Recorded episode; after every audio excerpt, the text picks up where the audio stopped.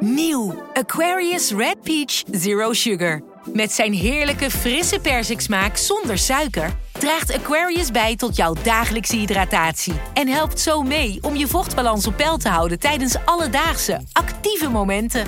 Thuis, op het werk of onderweg. Ook verkrijgbaar in smaken lemon en orange. Probeer hem nu. Wie reist met NS, reist net even anders. Wij reizen groen, zonder moeite te doen. Oh, zo kan je dus ook een dagje weg. En wij werken in stilte. In stilte? Nou ja, met oortjes dan. Oh. Zo gaan we iedere dag vooruit. Wij allemaal. Stap je ook in?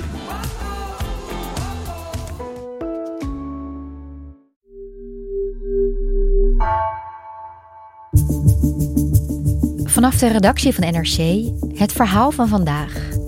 Mijn naam is Gabrielle Ader.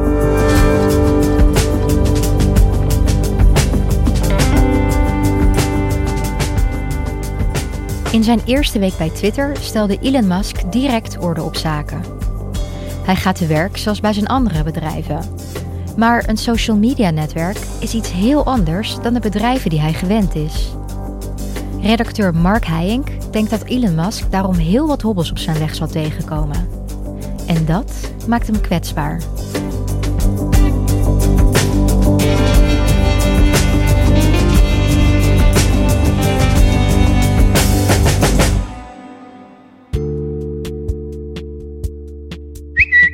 Entering Twitter HQ. Let that sink in. Oftewel, laat dat maar eens even goed tot je doordringen. Dat was de boodschap van de tweet die Elon Musk, de rijkste man op aarde, de wereld instuurde de dag voordat hij Twitter over zou nemen. Het bedrijf uh, dat hij kocht voor 44 miljard dollar. Om er even een grap van te maken, had hij ook zelf een sink, een wasbak, meegenomen.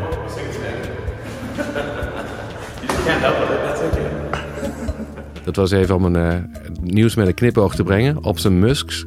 Maar tegelijkertijd ook duidelijk te maken: ik ben hier nou de baas. The bird is freed. Dat was de die uh, Musk uitstuurde eigenlijk op zijn eerste werkdag. En dat betekent eigenlijk dat het vogeltje, hè, het uh, symbool uh, van, van Twitter, dat leuke blauwe vogeltje, eindelijk vrij kan rondfladderen. En dat is Musks verwijzing naar wat hij noemt de beperking van de vrijheid van meningsuiting op het netwerk. Hij vond Twitter veel te veel doorgeslagen in het beperken van wat je er mocht zeggen. En tegelijkertijd is het een verwijzing naar dat hij als uh, eigenaar uh, niet meer verantwoording hoeft af te leggen aan de beleggers van Twitter. Hij koopt ze allemaal uit, dus hij kan mee doen met het netwerk wat hij wil. Hij is nu een week de baas van Twitter. Ja, hoe zag die werkweek van Elon Musk er vervolgens uit?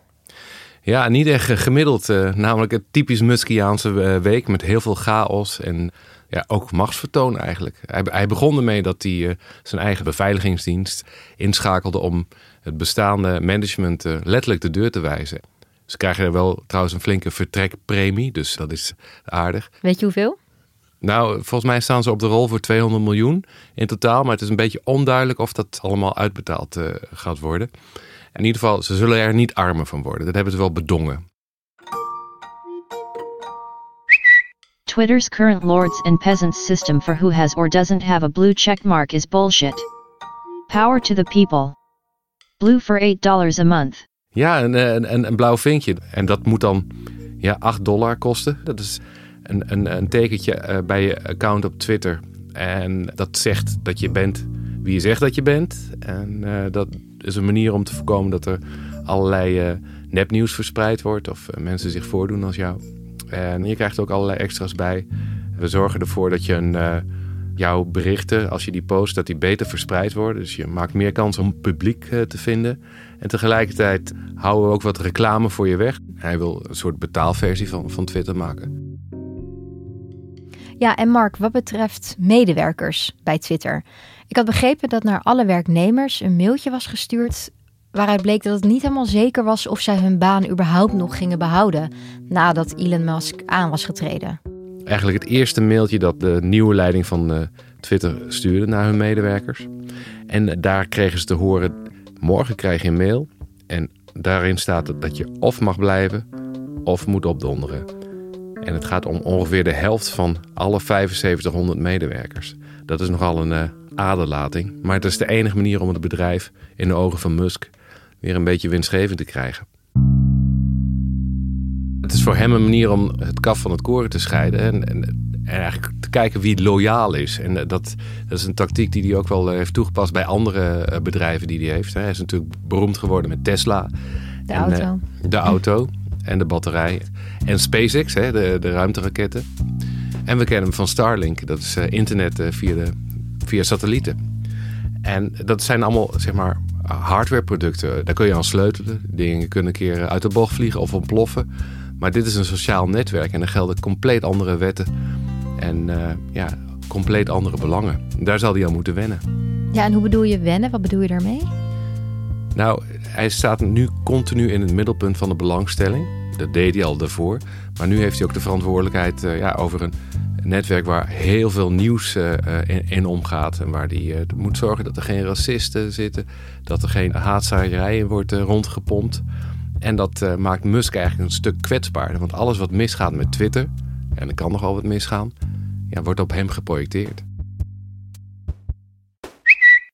Twitter obviously cannot become a free-for-all hellscape, where anything can be said with no consequences. Dit was een deel van een lange tweet die uh, Musk naar uh, adverteerders op Twitter stuurde. Een soort geruststelling van, nou, ik ga er ook geen puinhoop van maken. Nee, maar geen puinhoop, dat is altijd goed nieuws. Wat zijn zijn plannen dan wel? Ja, eigenlijk is het nog een beetje onduidelijk, want uh, het hele project is begonnen met de gedachte van Musk dat uh, Twitter veel te streng ingreep op wat er gezegd mocht worden op Twitter uh, of niet. En hij vond het te betuttelend en te, te links als rechtsdenkende burger mocht je niet zeggen wat je wilde. Dus hij wilde ja, de, de freedom of speech wilde hij weer hoog in het vaandel hebben.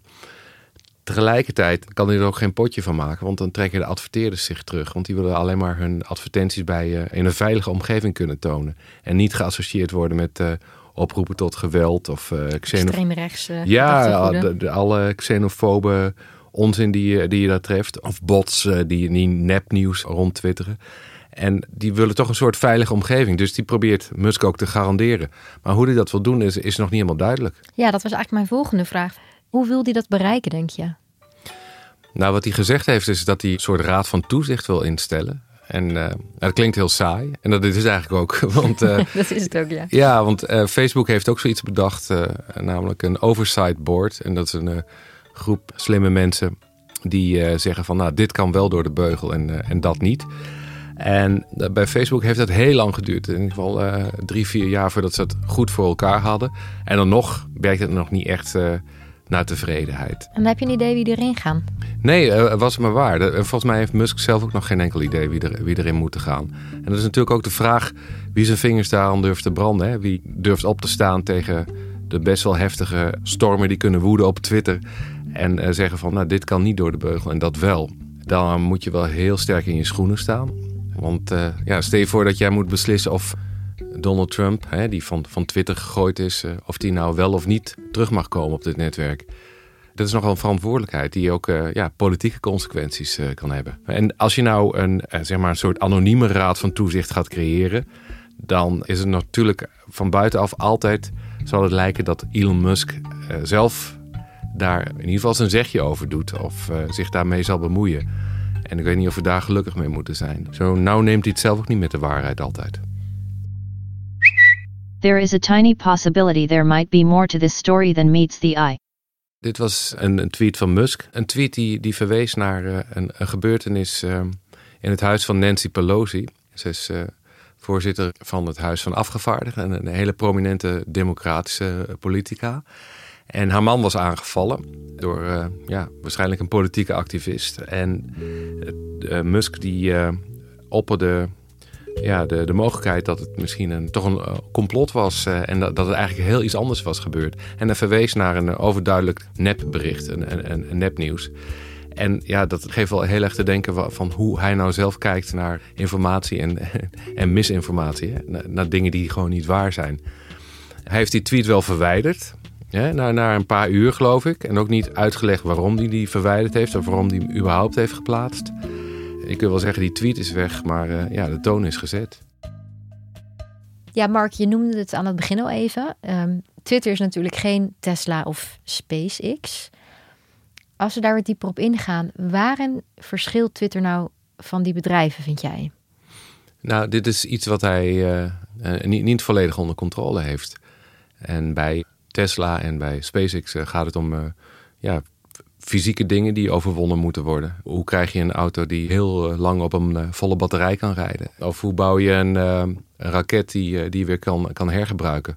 Maar ja, dit is iets wat continu in beweging is. Het zijn allemaal mensen die onvoorspelbare dingen doen. Je hebt natuurlijk subjectieve agents waar je rekening mee moet houden. Ja, en volstrekt onvoorspelbaar. En daar is een uh, aanpak zoals je dat uh, bij een hardwarebedrijf uh, doet, is gewoon heel anders dan het bijhouden van een sociaal netwerk waar hele onverwachte dingen kunnen gebeuren. Today Elon Musk and I wanted to share a quick message with you on platform regulation. Dit is een tweet van uh, Thierry Breton, niet van Elon Musk dus. En Breton is de eurocommissaris uh, die in de Tesla-fabriek even uh, Musk er fijntjes op wees dat hij zich toch gewoon aan de regels moet houden voor ja, sociale netwerken. En die zijn in Europa heel streng. En ja, het is eigenlijk een te mooi fragment om te missen. Het is eigenlijk jammer dat we op deze podcast geen beelden kunnen laten zien. Want ja, het is tenenkrommend hoe, hoe die twee mannen naast elkaar staan. So we are in, uh, in, in Austin together with, uh, with uh, Elon Musk. Thank you very much, Elon, for welcoming me. Thank you, most welcome. En dan zie je eigenlijk die grote Musk, machtige man, en de rijkste man op aarde. Die staat een beetje te schutteren daar naast Breton. Omdat hij zich ja, moet conformeren aan, aan die strenge Europese regels. It's been a great discussion. And um, I, I really think... I agree with everything you said, really. Uh, I think we're very much of the same mind. Ja, Elon Musk moet nu natuurlijk met Twitter zich ook ineens aan allerlei internationale regelgeving uh, gaan houden. Ja, is die, is die niet gewend. En uh, gaan we ervan uit dat die, dat die regels steeds uh, strenger worden. hier in Europa hebben we eigenlijk sinds, sinds dit jaar, ja, de DSA heet dat, mag je direct vergeten. Maar het is een soort setje nog strengere regels, waardoor ze de, de sociale mediabedrijven en digitale netwerken ja, eigenlijk direct moeten verwijderen wat schadelijk kan zijn voor, voor de maatschappij. Nepnieuws en zo, geweld. Mhm. En uh, die lat ligt inmiddels behoorlijk hoog. En dat geldt ook voor Twitter. Dat gebeurt ook, maar op een net andere manier in uh, de Verenigde Staten, de thuismarkt. Daar zijn toch pogingen gaan om de wetgeving te veranderen die uh, sociale netwerken nu nog beschermt. He, ze worden nu nog beschouwd als een soort ja, postbode die brieven doorgeeft en niet gaat over de inhoud daarvan. Maar als ze daar straks aansprakelijk voor worden uh, gesteld, dan krijg je dus het effect dat Musk opeens uh, op de schouder getikt kan worden van hé, je doet het niet goed. Je moet strengere maatregelen nemen. Bijvoorbeeld tegen al die Chinese trollen die proberen nepinformatie de, de, wereld in te slingeren en, en, zo onze politieke beslissingen te beïnvloeden. dat, dat is in het verleden ook al gebeurd met de Russische trollen, die zich ook heel actief met Twitter bezighielden. Dat wordt nou veel strenger aangepakt. En als uh, Musk daar uh, zich aan houdt, hè, aan, de, aan de regels houdt, dan loopt hij ook eigenlijk kans dat hij ja, zijn glazen ingooit in een land uh, als China. Omdat hij dan die trollen moet verwijderen, bedoel je? Ja, of dat heel veel Chinese trollen die proberen, ja, eigenlijk gesponsord door de Chinese staat, om netnieuws de wereld in te slingeren en de Amerikaanse verkiezingen te beïnvloeden die nu gaande zijn. Musk zal daar actie tegen moeten ondernemen. Dat kan niet anders. Hè? Dat, daar is hij gewoon uh, toe verplicht. Dat kan zijn belangen van Tesla schaden. En hij zal dus geen onafhankelijke beslissingen kunnen nemen ja, over dit soort wezenlijke zaken. Ja, want hoe groot is Tesla dan in China? Ik geloof dat op dit moment 25% van de, van de omzet van Tesla uit China komt. En uh, dat, dat groeit als een, als een speer. Het is uh, de snelst groeiende markt voor Musk op dit moment. Dus hij zal, ja, heeft gewoon heel veel belang erbij om een goede relatie met China te houden. That is why I bought Twitter. I didn't do it because it would be easy. I didn't do it to make more money. I did it to try to help humanity, whom I love. Ja, want waarom denk jij dat Elon Musk Twitter wilde kopen? Ja, dit is ook weer typisch Musk. Die sleept direct de, de hele mensheid uh, erbij. Hij doet het niet voor zichzelf, maar hij heeft het, beter voor met de wereld. En dat was ook de gedachte waarmee hij Tesla begon. En waarmee hij ons naar Mars wil brengen. En ja, Twitter, de vrijheid van meningsuiting, dat is eh, volgens hem het, eh, het hoogste goed. En het past ook bij hem. Dat is een soort missie van hem. Net zoals je naar Mars moet, moeten we streven naar een vrijheid van meningsuiting. Met die gedachte begon het. En uh, toch kreeg hij al heel erg snel spijt van die aankoop. Zo lijkt het, hè, als je er van een afstandje naar kijkt. Want hij probeerde van die deal af te komen. Hij, hij had uh, Twitter gekocht op een heel duur moment. Op het moment dat het, uh, die aandelenkoers best hoog stond. En dat had hij nog even overtoept. Dus hij had er een soort bonus bovenop gegooid. En vervolgens stortte die hele social media markt in. dat gebeurde met Facebook of met Meta. Ook met Snap en ook met Twitter. En ondertussen zat hij wel vast aan die 44 miljard die hij uh, moest uh, betalen. En uiteindelijk dreigde het op een rechtszaak uit te komen. En ja, toen bleek dat hij niet onderuit kwam. En toen nam hij zijn wasbak mee. En uh, kocht hij een netwerk dat al jaren niet meer groeit hè, qua aantallen gebruikers. En dat al jaren ook verlies leidt. En daarvan moet hij dan iets winstgevends zien te maken. Gaat dat lukken met het betalen voor de blauwe vinkjes alleen? Het helpt wel een beetje. Maar als je het, zo, zeg maar, het sommetje maakt van ja, de, de mensen die nou een uh, geverifieerde account hebben en ze zouden allemaal 8 dollar uh, gaan betalen hè, en dat ook daadwerkelijk doen, ja, dat is nog niet echt een wereld van verschil. Maar uh, het voordeel van Musk natuurlijk is dat hij ja, vrij is om te doen en te laten met Twitter wat hij kan en wat hij wil. Hij hoeft geen verantwoording meer aan die beleggers af te leggen. En ja, zijn plannen die zijn nou nog met, zo'n betaalmodel en dat wil hij nog veel radicaler gaan uitbreiden. Buying Twitter is an accelerant to creating X, the everything app. Dit was weer uh, typisch een, een, een, tweet van Musk, hè, want er zat een X in en hij houdt heel erg van die letter. Dus, uh, volgens mij noemt hij de kinderen ook zo. En X is in het geval van Twitter ja, een soort Zwitser zakmes. Een app die alles kan, waar je betaling mee kan doen, een doktersafspraak maken of uh, ja, weet ik veel, de OV-chipkaart eh, mee kan vervangen. En het is een beetje uh, geïnspireerd door de WeChat, een, eh, Chinese app die Chinezen gebruiken nou, voor, bijna alles in, in, hun leven. In een digitale leven, maar inmiddels ook in een fysieke leven. En dat is nogal een sprong hè, om van Twitter met één functie, ja, een beetje tekstberichten en af en toe een video posten, te springen naar een app die alles kan. En misschien is dat wel een stap te ver. Ja, Mark, als ik jou zo hoor. Goed, Elon Musk hoopt met Twitter uh, meer openheid te creëren, minder regulering op zijn platform. Terwijl tegelijkertijd krijgt hij nu natuurlijk te maken met EU-regelgeving, regelgeving uit de VS. Ehm, moet hij oppassen dat hij zijn ruiten niet ingooit bij landen als China of Rusland? Denk je dat het hem gaat lukken om hier nog iets succesvols van te maken? Poeh, ja, eh, de, de, kaarten zien er eigenlijk niet zo goed uit. Vooral ook omdat het uh, economische tij niet zo heel erg positief is. Hè? Die online advertentiemarkt, nog steeds de belangrijkste inkomstenbron van uh, Twitter, die is aan het dalen. Daar hebben alle bedrijven last van. En dat zijn gewoon economische wetten waar die, waar die zich niet aan kan onttrekken. En ja, Musk is Musk, dus hij kan natuurlijk altijd een konijn uit de hoed toveren waarvan je denkt van het is briljant. Maar als ik hem was, zou ik het zo snel mogelijk proberen te verkopen. Dus uh, het proberen winstgevend te maken en dan uh, hop, weg ermee. Nou, ik ben heel benieuwd hoe Twitter er over een jaar uitziet en welke konijn er uit de hoed wordt getoverd. Hij zal vast uh, X heten. Dankjewel. Graag gedaan.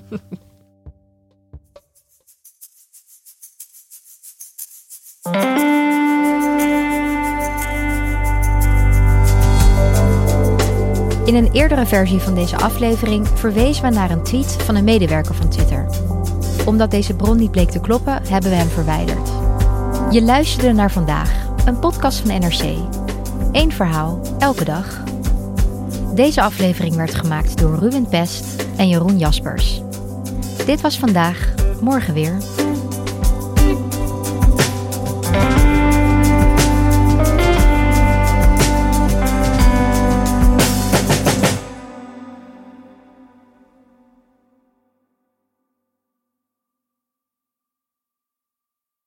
Je hebt aardig wat vermogen opgebouwd.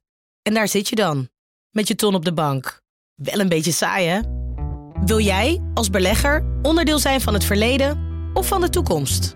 Bridgefund is een slimme fintech die een brug slaat tussen de financiële behoeften van ondernemers en van beleggers. Dus wie belegt bij Bridgefund krijgt niet alleen een mooie vaste rente, maar brengt ook ondernemers in beweging. Echt waar, met die ton kan je zoveel betere dingen doen. Bridgefund. Make money smile.